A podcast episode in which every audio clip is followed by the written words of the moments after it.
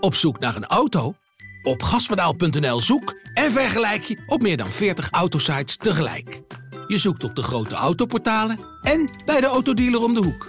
Je hebt het grootste aanbod en maakt daarom de beste vergelijking. En zo mis je nooit meer een auto. Zoek en vergelijk op gaspedaal.nl. Hallo, mijn naam is Pieter Klok. Ik ben hoofdredacteur van de Volkskrant en dit is een nieuwe aflevering van de Volkskrant Elke Dag. De dagelijkse podcast waarin we de achtergronden bij het nieuws bespreken en vooral ook proberen te schetsen hoe de wereld op tal van terreinen onder onze ogen aan het veranderen is. En vandaag gaan we weer naar Oekraïne. Uh, we gaan er uitgebreid over praten met aan mijn linkerhand uh, Iris Koppen. Welkom Iris. Ja, Pieter. Jij hebt nog steeds continu contact met Elena, de Oekraïense die naar uh, Hongarije is gevlucht. Ja. We gaan er uitgebreid over praten straks. Ook over haar zoon Max, of die erin slaagt zijn huwelijk te redden. Aan mijn rechterkant Tom Venning. Dag Pieter jarenlang correspondent in Rusland geweest en houdt nu voor ons de, de omringende staten in de gaten en volgt ook vooral de oorlog uh, op de voet. Uh, Tom, om met jou te beginnen, hoe, hoe, is het nieuwe jaar begonnen voor Oekraïne? Voor Oekraïne, uh, je kan zeggen wel, wel goed, omdat er nieuwe wapensteun is beloofd en dat is toch het allerbelangrijkste voor Oekraïne op dit moment. Ehm, die steun komt vooral natuurlijk uit de VS, maar nu hebben Frankrijk en Duitsland ook gepantserde infanterievoertuigen beloofd. Mm -hmm. die zijn heel belangrijk voor Oekraïne.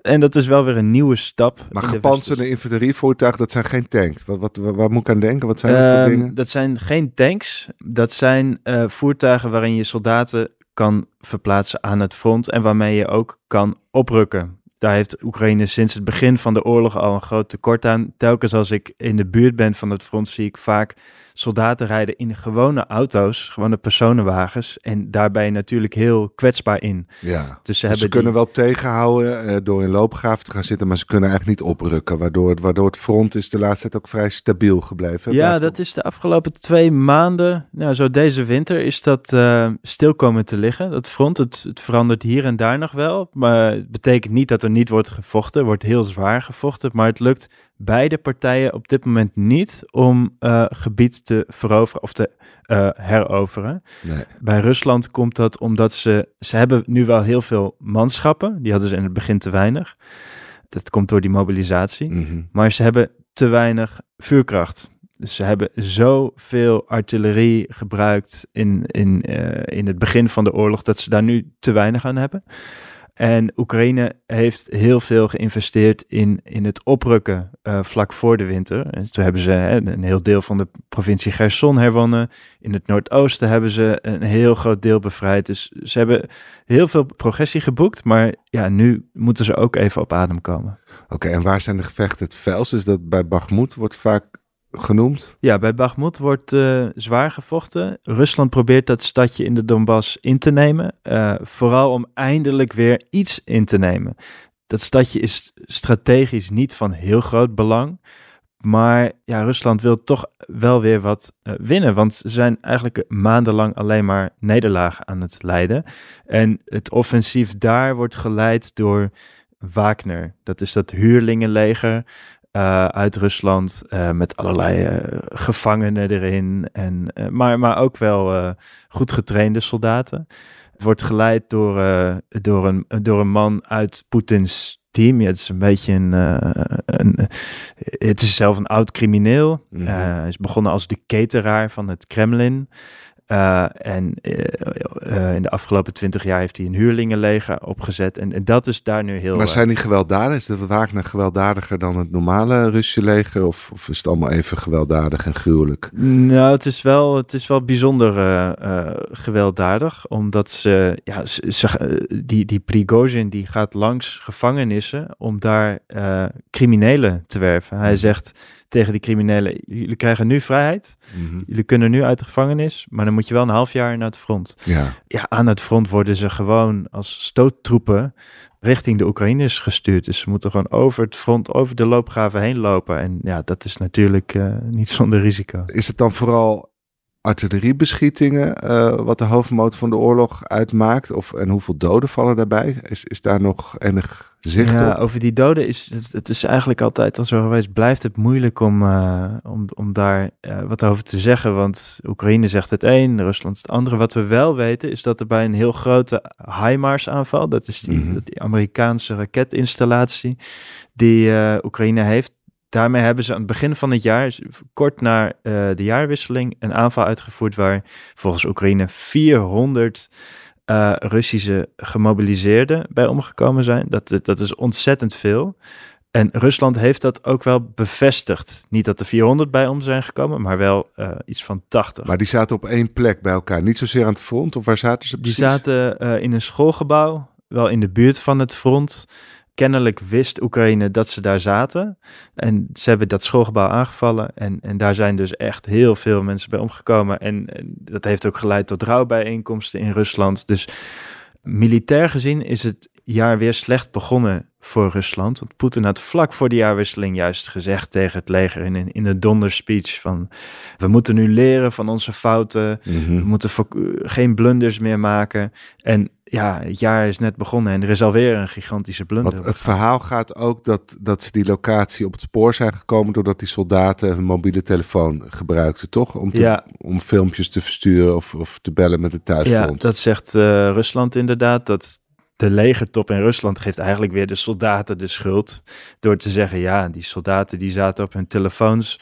Oekraïne heeft daardoor hun locatie kunnen achterhalen en zag heel veel puntjes op dezelfde plek en heeft die plek aangevallen. We weten niet of dat, of dat zo is gegaan, maar dat is wel een, uh, een, een mogelijkheid. Maar die HIMARS, dat zijn dus verschrikkelijke wapens eigenlijk. Die blazen in één keer zo'n zo'n zo'n zo honderden mensen Ja, dat, dat, zijn, dat zijn echt heel zware raketten die je heel precies kan richten. Ja. En die zijn heel belangrijk voor, uh, voor het Oekraïnse leger. Ja. Maar wat er precies op dagbasis aan een front in Bakhmut gebeurt, dat, dat is nog steeds heel lastig uh, in, te achterhalen. Ja, ik weet niet hoeveel mensen daar uh, omkomen per dag. Nee. En er zijn nog een paar plekken aan het front in de Donbass waar zwaar wordt uh, gevochten. Maar dat leidt dus op dit moment niet tot uh, grote nee. uh, gebiedsveranderingen. Nee. Ja, ik was nog benieuwd, Tom. is een beetje duidelijk uit welk deel van Rusland die zeg maar omgekomen reservisten kwamen?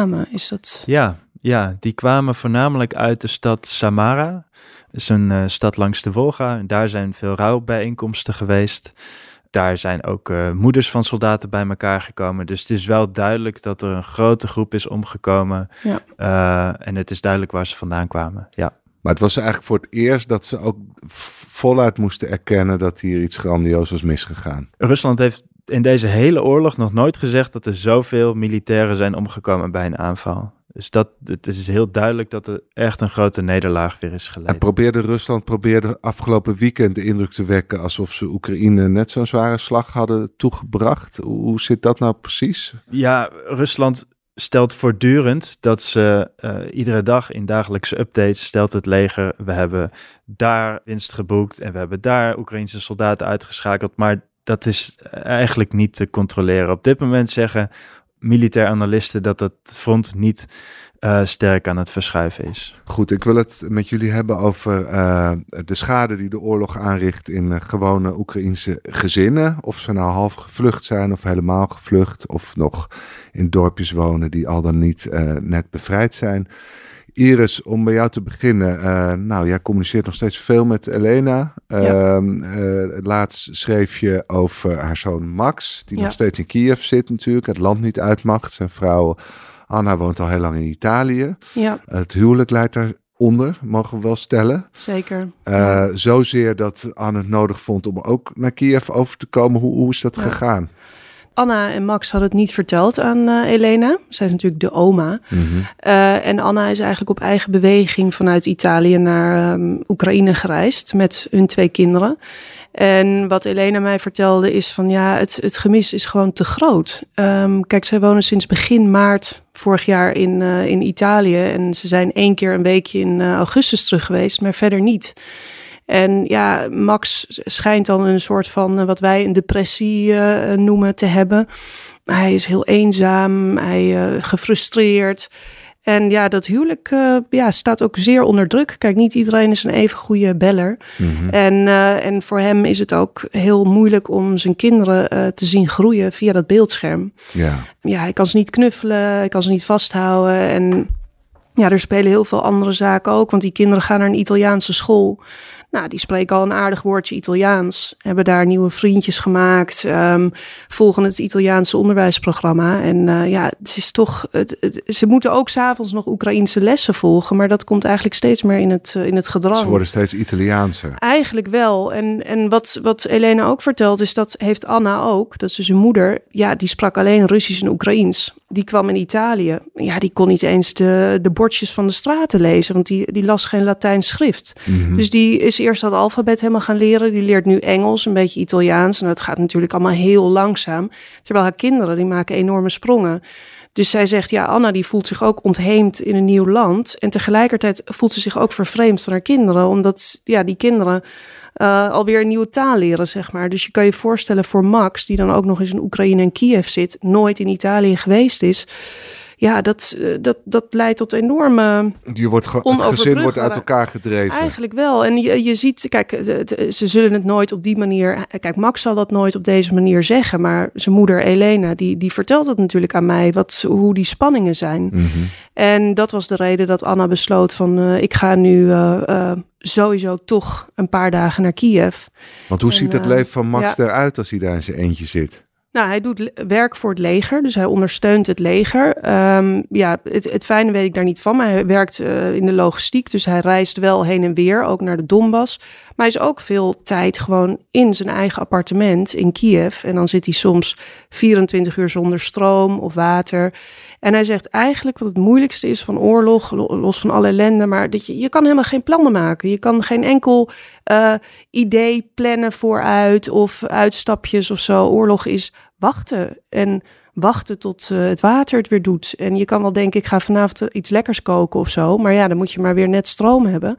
Dus daar raakt hij ook ontzettend door gefrustreerd. En er is voor hem geen mogelijkheid om naar Italië te gaan, al was het maar tijdelijk. Nee, nee er is gewoon een mobilisatie in Oekraïne. Dus je mag als, als man het land niet verlaten, omdat je paraat moet staan om, om je land te verdedigen. Ja. ja. En, en hoe is dat bezoek verlopen? Ja.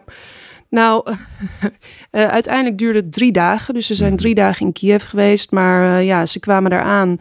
En dat was net, uh, geloof ik, 30 december zijn ze aangekomen. En ja, Max stond op het perron te wachten tot die trein aankwam. En op dat moment ging ook het luchtalarm.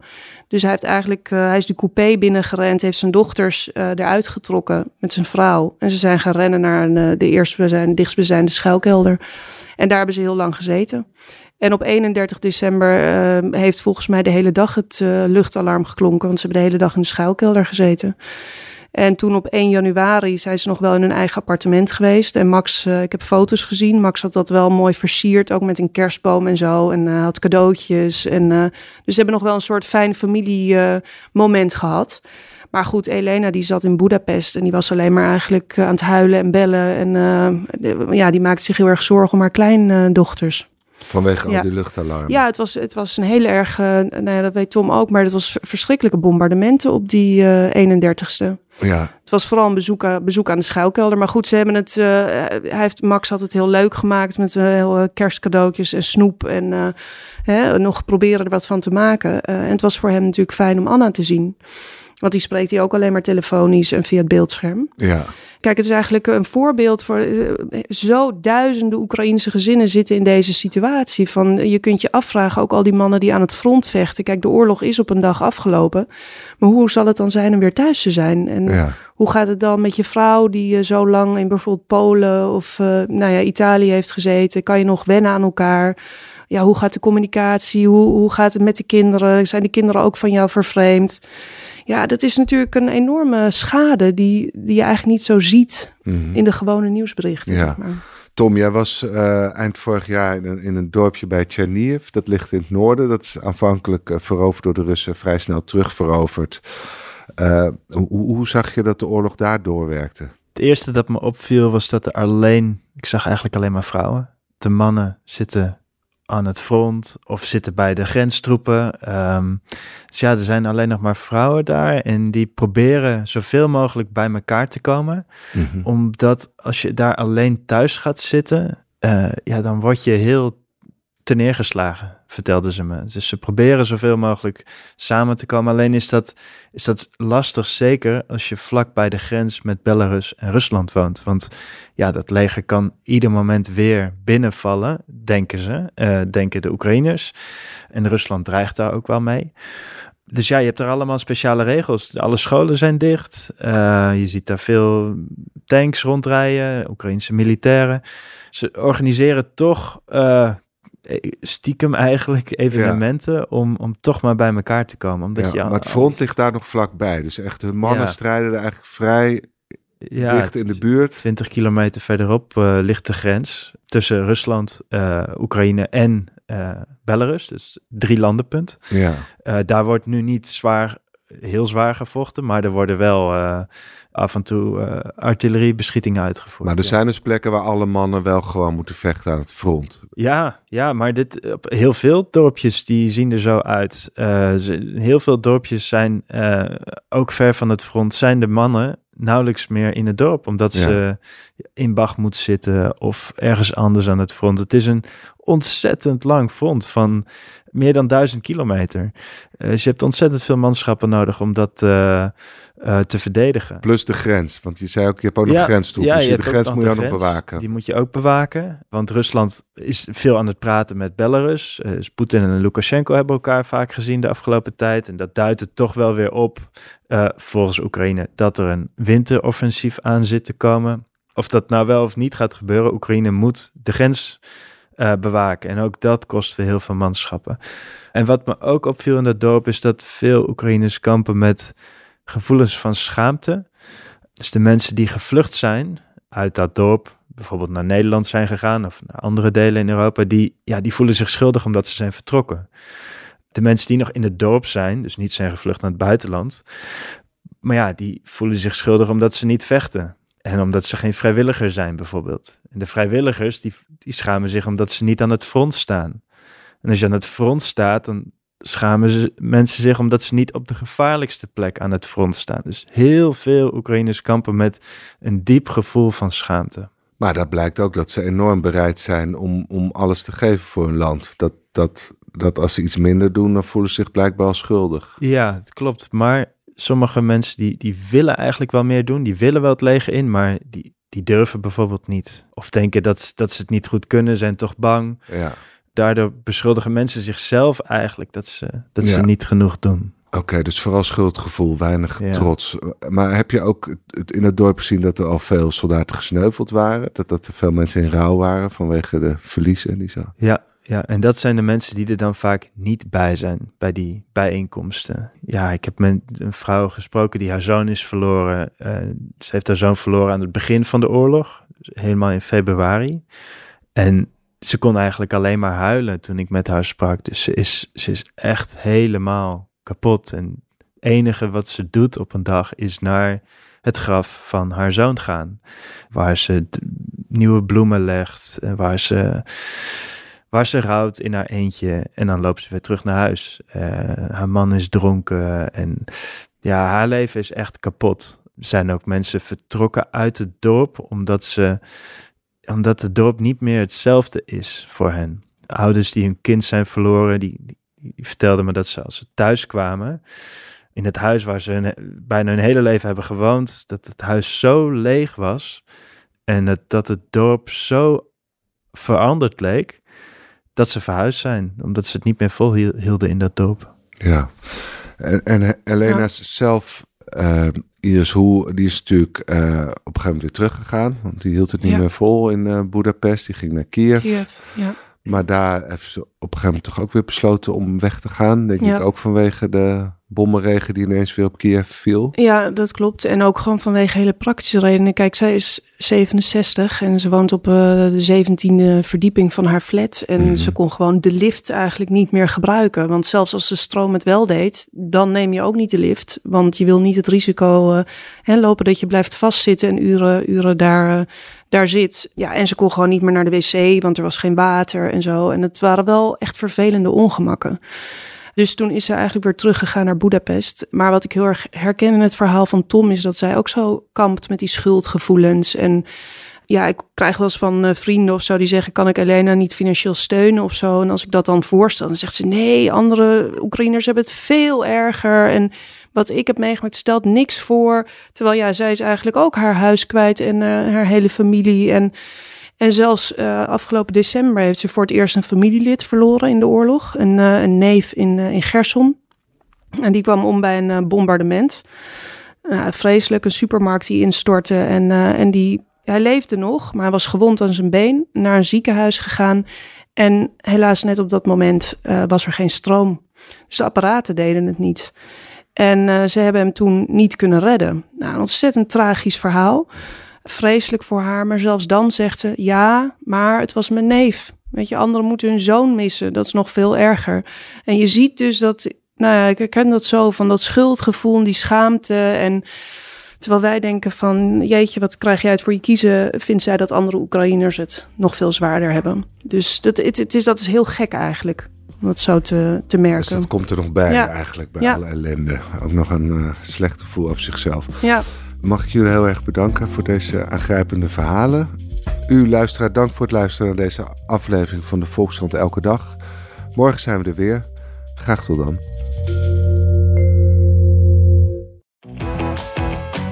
Zin om op pad te gaan? Leukstetickets.nl gids je naar de leukste uitjes. Een pretpark, musical, dierentuin of een nachtje weg? Start je zoektocht op leukstetickets.nl.